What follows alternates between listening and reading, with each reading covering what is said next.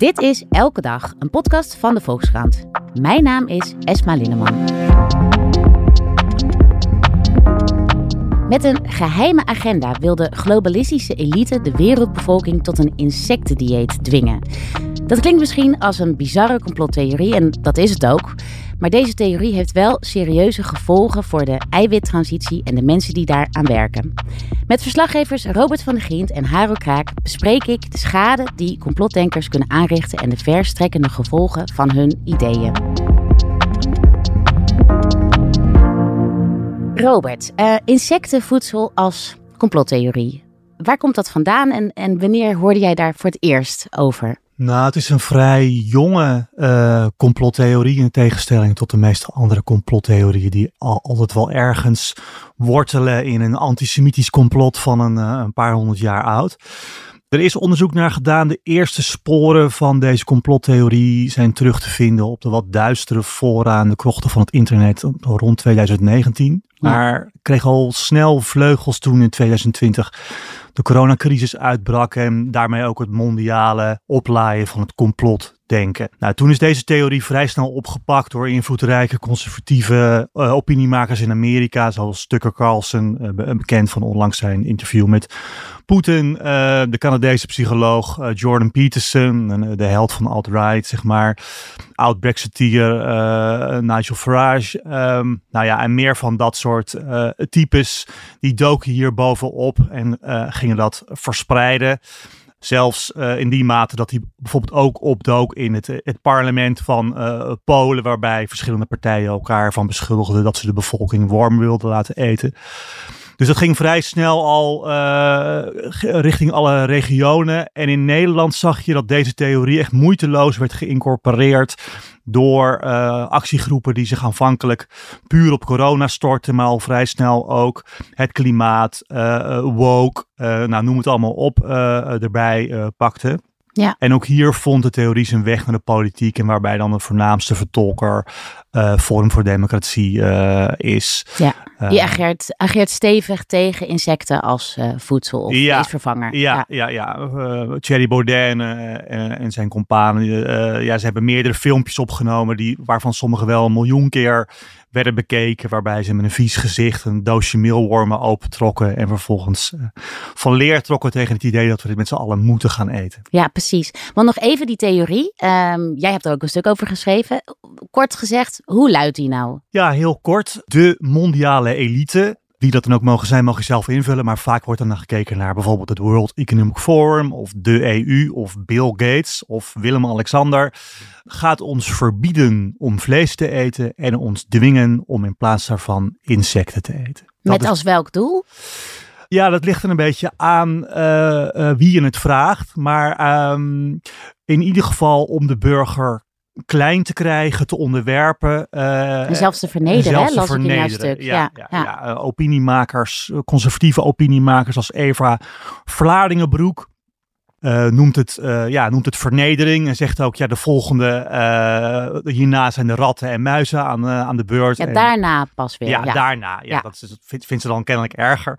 En Thierry Baudet had het zelfs op zijn Baudets over spirituele vernedering. Jij ging voor jouw stuk ook langs bij producenten van voedsel dat met insecten is vervaardigd bij Distribugs, als ik het goed zeg. Ja, dat is een, uh, een producent in uh, die onder meer uh, meelwormen, burgers maakt en allerlei andere snacks gemaakt van krekels en sprinkhanen. En die kwam een paar weken geleden in het nieuws omdat Willem-Alexander daar langs ging om een meelwormenburger te proeven en zei dat de smaak goed was. Nou, toen, dat was dat leidde tot een enorme uh, weerstand onder de aanhangers van deze complottheorie. Want zie je wel, ze ook Willem-Alexander die banden zou hebben met het World Economic Forum, gaat ons dwingen om, uh, om insecten te eten. En je ziet dat zo'n zo'n bedrijf als Distribugs dan online wordt beticht van banden met het WEF. Dat die, de, de, de, de directeur wordt met naam en toenaam genoemd. En een klootzak en een viespeuk genoemd.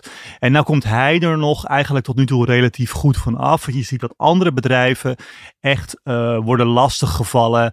Uh, online, maar ook telefonisch of per mail of zelfs fysiek. Ik heb een bedrijf gesproken, ehm, de Krekerij heette dat. Die maakte broodjes met die regels erin. Nou, die kregen dan voortdurend telefoontjes van mensen door, door wie ze verrot werden gescholden. Of stonden, stonden wel eens op de markt met hun producten. En dan kwamen er ook mensen gewoon lijfelijk, kwamen ze vrij intimiderend verhaal halen. verhaal halen. En ook echt een ander bedrijf, Protix, dat is de grote, grootste insectenkwekerij van de wereld. Die staat in Bergen op Zoom. Nou, dan ging bijvoorbeeld uh, Pieter P. Je moet hem maar kennen, maar dat is een van de een beruchte complotdenker. Die uh, onlangs nog is veroordeeld wegens het onterecht beschuldigen van een man van seksueel misbruik. Die ging daar dan met een draaiende camera naartoe. Nou, dat soort dingen, uh, daar moet je aan denken. En dat heeft er ook wel toe geleid dat sommige mensen, sommige uh, bedrijven, ja, liever niet meer adverteren met het feit dat zij uh, insectenvoedsel maken. En het heeft er ook toe geleid, zegt de brancheorganisatie van insectenkwekers, dat er, dat er ondernemers zijn die best in de insectenbranche zouden willen stappen, maar daar vanwege deze mogelijke dreigende intimidatie toch maar van afzien. Dus het heeft ook een rem op de groei. Dus deze dreiging is echt heel reëel. Zo wordt die echt ervaren, ja. En nou, nou, nou drijft deze complottheorie eigenlijk om een grotere complottheorie. Uh, aangeschoven is ook Haro Kraak. Je hebt heel veel geschreven over complottheoristen. Mhm. Er wordt veel gesproken over uh, nou ja, die mondiale elite uh, en het World Economic Forum eigenlijk. Hè? En over een idee wat de Great Reset heet.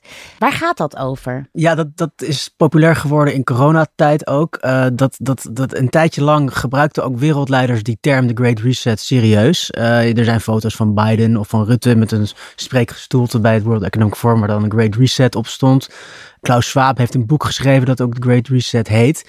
En dat ontstond toen, eh, dat idee, dat hebben, we, hebben wij ook in de krant wel stukken over gehad van ja, we zitten nu midden in die pandemie. Eh, we kunnen uh, op, op, een nieuwe manier gaan denken, want, want we zien dat we nu al veel minder vliegen. En waarom houden we dat niet vast? Dat was een tijdje een soort van naïeve hoop dat we dat, als het weer voorbij zou zijn, nou, dat we dat dan vast kunnen konden ja, houden. dat kan ik me nog herinneren. Dat, dat was een echt idee. en World Economic Forum heeft dat, heeft dat ook wel eh, eh, ja, naar buiten gebracht. En daar heeft allemaal ideeën over eh, gedeeld. Maar dat is toen ja, eigenlijk veranderd naar een soort mondiaal complot. Waarbij we gedwongen worden in een systeem. En waarbij de, bijvoorbeeld de corona-pandemie ja, bedacht is. Zodat het, ja, dat we totalitair kunnen gecontroleerd worden als volk. Ja. Dat strekt ook naar allerlei andere gebieden. Zoals de stikstofcrisis wordt ook daar als een, als een deel van die agenda gezien. Dus dat, dat, dat die hele stikstofcrisis eigenlijk verzonnen is. Dat dat bedoeld is om nou ja, allerlei uh, doelen te bereiken. Maar onder andere om de voedselvoorziening lam te leggen. Uh, zodat we bijvoorbeeld met insecten... Uh, Onze burgers moeten gaan voeden. Precies, ja, het gaat ook eigenlijk over land. Hè? Soms gewoon het idee dat... Van wie is het land? Is het van de boeren of is dat ja, Wordt dat eh, die boeren afgepakt, zodat daar bijvoorbeeld immigranten kunnen gaan wonen? Dat las ik. Ja, dat, dat, dat, dat, dat, dat, is soms een deel ervan. Uh, die boeren worden gezien als een soort uh, ultiem romantisch symbool van, van, van het echte volk. Hè? dat is, dat is een, een, stroming binnen, binnen radicaal rechts, dat heet nativisme. Mm. Dat is eigenlijk het geloof dat er een zuiver volk ten grondslag ligt aan een, aan, een, aan een natie, aan een gebied. En dat de mensen die hier altijd al wonen, de echte Nederlanders zijn. En en dat de boeren daar eigenlijk het typische voorbeeld van zijn. Uh, Baudet heeft wel uh, uh, gezegd dat boeren zijn echte familiemensen die hun eigen zaak hebben van het landleven en die een sterke verbinding voelen met de geschiedenis en de natuur van dit land. Dus die, die, worden dan als een soort ja, symbool daarvan neergezet. En ja, die worden dus dan ook in dit complot kapot gemaakt. Uh, om ruimte te maken voor allerlei, uh, uh, ja, bijvoorbeeld migrantenhuisvesting. Ja, en, ja, voor om links snode plannen eigenlijk ja. ruim baan te geven. En deze mensen, zoals Thierry Baudet ze beschrijft, die eten ook geen insecten. toch Robert? Nee, die nee. eten geen insecten. Nee, dat vinden ze goor en ongetwijfeld niet mannelijk en, uh, en vernederend en inhumaan. Dat kun je vinden natuurlijk. Je hoeft geen complotdenker te zijn om, om geen meelwormenburger te willen eten. Ik ken meer mensen die daar niet meteen uh, op af zouden rennen, denk ik. Maar feit is wel dat er 2 miljard mensen op de wereld zijn uh, die gewoon al van oudsher insecten eten. Ja. En feit is ook overigens dat wij hier in Nederland vaak ook wel eens insecten hebben gegeten, omdat bijvoorbeeld de roze kleur van roze koeken en uh, fristie en aardbeienjoghurt en sommige worstjes en rode M&M's en noem het allemaal op. Die komt uit een stof die gewonnen is uit een bepaald soort cactusluizen. Ja, als je dat eenmaal weet, dan ja, ik bedoel, mij maakt het niet uit, maar misschien dat andere mensen uh, dan denken, nou, ik eet Norbert een roze koek.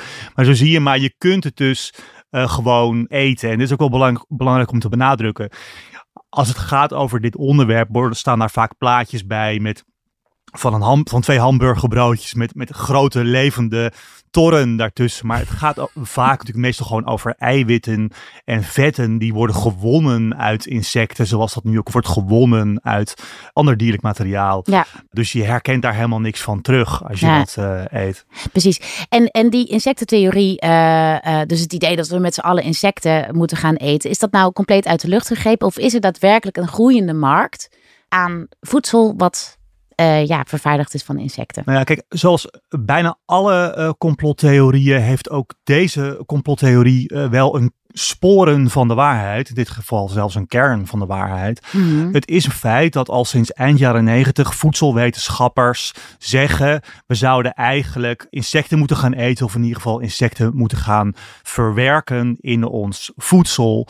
Om meerdere redenen. Uh, de bevolkingsgroei mondiaal stijgt enorm de komende, uh, de komende 25 jaar komen er nog uh, vele miljarden mensen bij. Die moeten we en gaan voeden zoals het nu gaat, als we dat alleen met vee zouden doen, dan putten we de aarde simpelweg uit. En als we uh, zouden overstappen op alternatieven, bijvoorbeeld door insecten te gaan gebruiken, dan is dat om allerlei redenen veel duurzamer. Want je hebt er minder land en minder water en minder voer, uh, noem het dan ROP voor nodig. Ja. Daarnaast is het zo dat de, de voedingsstoffen, dat er heel veel gezonde voedingsstoffen in insecten zitten. Dus er zijn goede redenen om, uh, om, de, om dit te doen. En dat wordt dan ook, dus niet alleen door de wetenschap, wordt dat al jaren eigenlijk gepropageerd, maar ook uh, door bijvoorbeeld het World Economic Forum, die inderdaad heeft gezegd van ja, dit, zijn, dit is een interessante ontwikkeling. Hier moeten we in gaan investeren.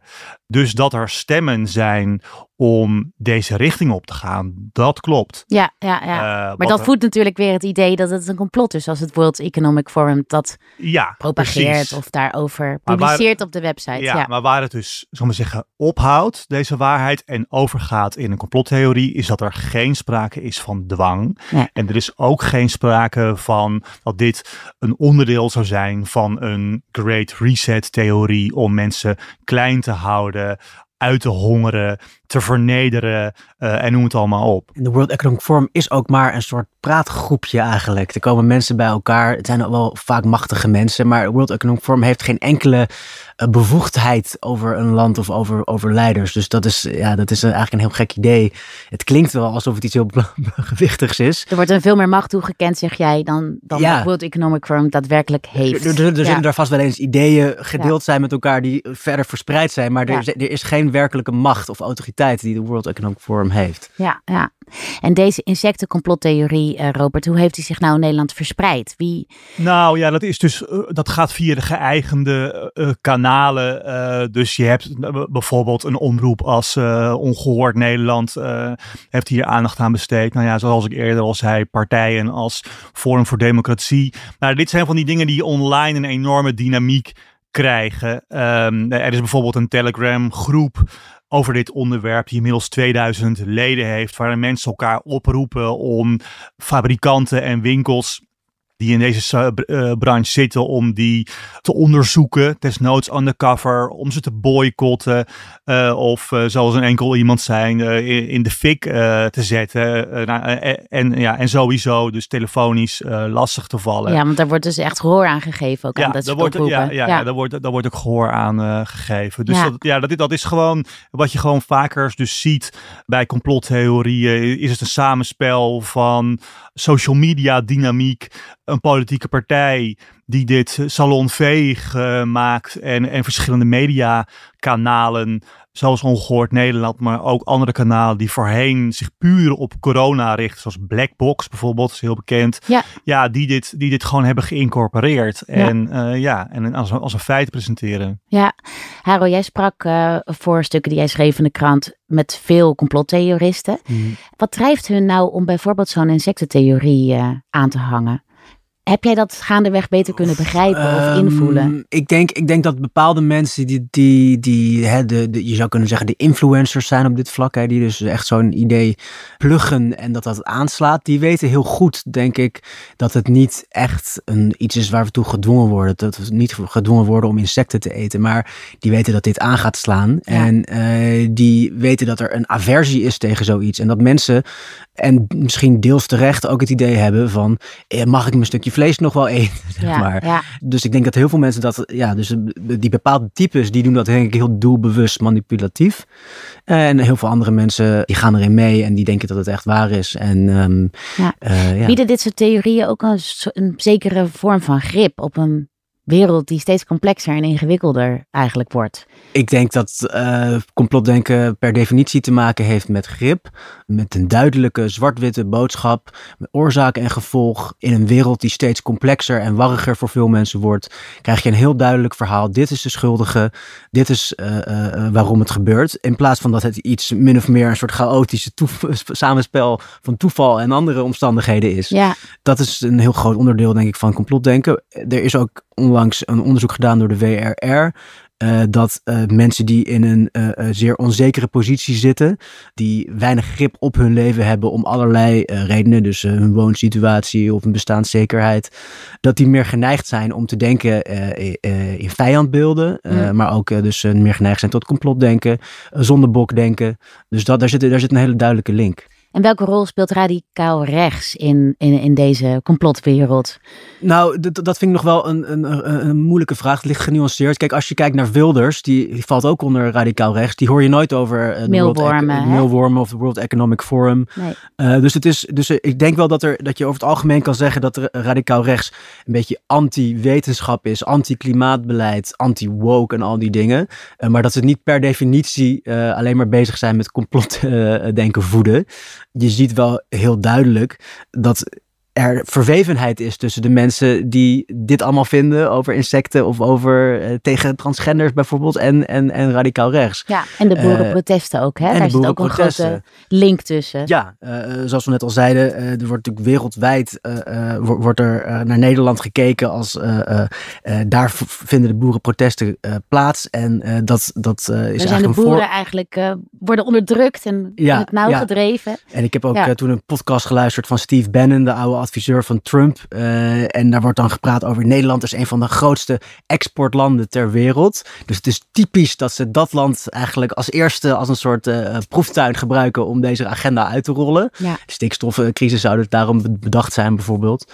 Ja, dus daar, daar, daar zit een hele, heel, heel duidelijke uh, verwevenheid in. Ja, dan zie je ook wel dat uh, Forum voor Democratie daarbij ook wel opportunistische motieven heeft om deze theorie uh, te verspreiden. Want als het bijvoorbeeld gaat over die boeren.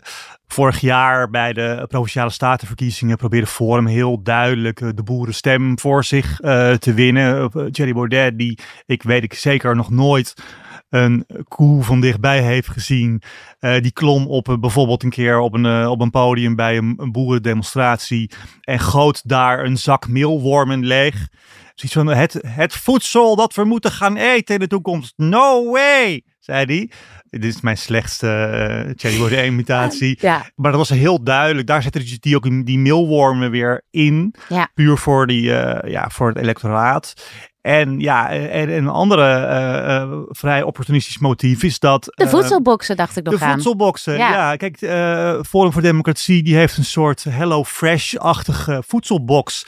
Hebben ze in het leven geroepen. waarbij Not je ook, so fresh, maar. Ja, ja. Je, waarbij je ook kunt kiezen voor het vleespakket vlees, dat past natuurlijk helemaal in Forum voor Democratie.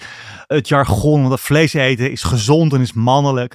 Ja, dat willen ze graag verkopen. Dus, uh, dus ja, dan moet je natuurlijk geen uh, meelwormen hebben. Bijvoorbeeld, en bij een recent veel bekeken filmpje waarbij Thierry Baudet zo'n vleespakket ging brengen aan voormalig voetballer Annie van der Meijden. En vervolgens met dit geld terzijde een stuk vlees totaal liet verbranden op een barbecue. Heerlijk. Echt, uh, en, en deed alsof dat echt fantastisch was. Echt, um, dat begon ook weer met dat Baudet zo grappenderwijs hem zo zo'n uh, zo, zo een doos meelwormen aanreikt. Zo van, van ja, dit gaan we natuurlijk niet eten, weet je wel. Dus het is Ja, dat, dat, dat is dus niet alleen maar omdat hij daadwerkelijk gelooft uh, in het, de complottheorie of in de Great Reset, maar ook gewoon het hem heel goed uitkomt. Ja, en je ziet eigenlijk ook dat, dat, dat eten gewoon heel emotioneel is. Je kunt heel erg op sentimenten inspelen via voedsel, toch? Ja, het is identiteit. Ja, het is echt identiteit. Het is natuurlijk begonnen misschien wel met de gehaktbal. Ze pakken onze gehaktbal af. Met een soort huilende gehaktbal op de voorpagina van het AD, kan ik me herinneren. Ja, ja, precies. Dat is natuurlijk al, dat is gewoon, ja, de gewone man eet elke avond de gehaktbal als je sommige media of politieke partijen uh, wil doen geloven. En dat klopt tot op zekere hoogte misschien ook nog wel. Ja. Maar dat staat heel erg, de gehaktbal is ook zo'n symbool voor het Nederland dat er ooit was en, nooit, en, en, en ons wordt afgepakt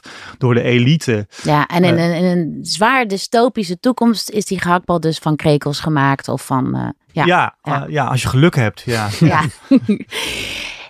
Tot slot deze eiwittransitie, waar dit eigenlijk over gaat. Dus het idee dat we eiwitten kunnen vervaardigen uit insecten. Um, dat is goed voor het klimaat, is duurzaam. In hoeverre komt die nou in gevaar, denk jij, Robert, door, door deze complottheorieën? Nou, je, de, de brancheorganisatie van insectenkwekers die zegt dus wel van, ja, ja, je merkt toch wel dat de groei geremd wordt door dit soort complottheorieën. Maar ja, je kunt er ook op een andere manier naar kijken. Want uh, kijk, er wordt al sinds eind jaren negentig wordt hierover gesproken. Uh, over uh, het feit van, nou, we zouden eens moeten nadenken over insectenvoedsel.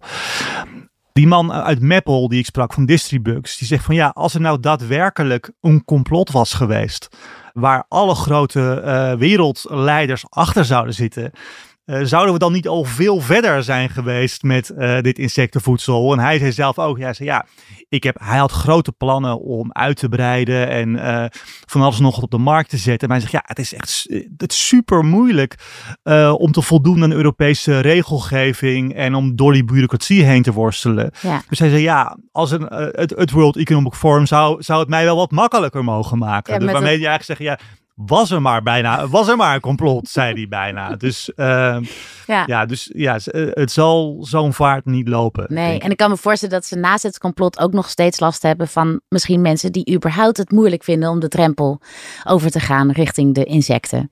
Ja, kijk, als jij voortdurend, kijk, die, die complottheoristen, die, die pompen voortdurend allerlei gore plaatjes rond. Ja. ja met borden, borden vol krekels, zeg maar. Ja, zo gaat het er natuurlijk niet uitzien. Nee. Uh, je zal vast misschien een, een, een, een stukje krekel uh, uh, heel klein ergens in zien zitten. Ja. Over het algemeen zijn dat, heb je het over krekelmeel, heb je het over eiwit, heb je het over vetten. Ja. Dus het is allemaal zo verwerkt dat je er eigenlijk niks meer van En ziet voor de luisteraar thuis die denkt, uw insecten.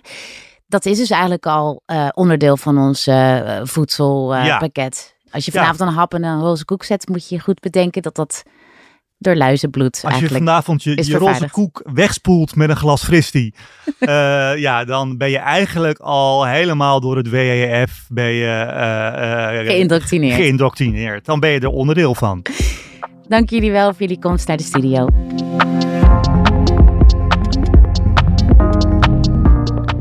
Luisteraar, hartelijk dank voor het luisteren naar de Volkskrant Elke Dag. Deze aflevering werd gemaakt door Julia van Alem, Rinky Bartels, Corine van Duin, Lotte Grimbergen en Jasper Veenstra. En wilt u de Volkskrant steunen? Dat kan.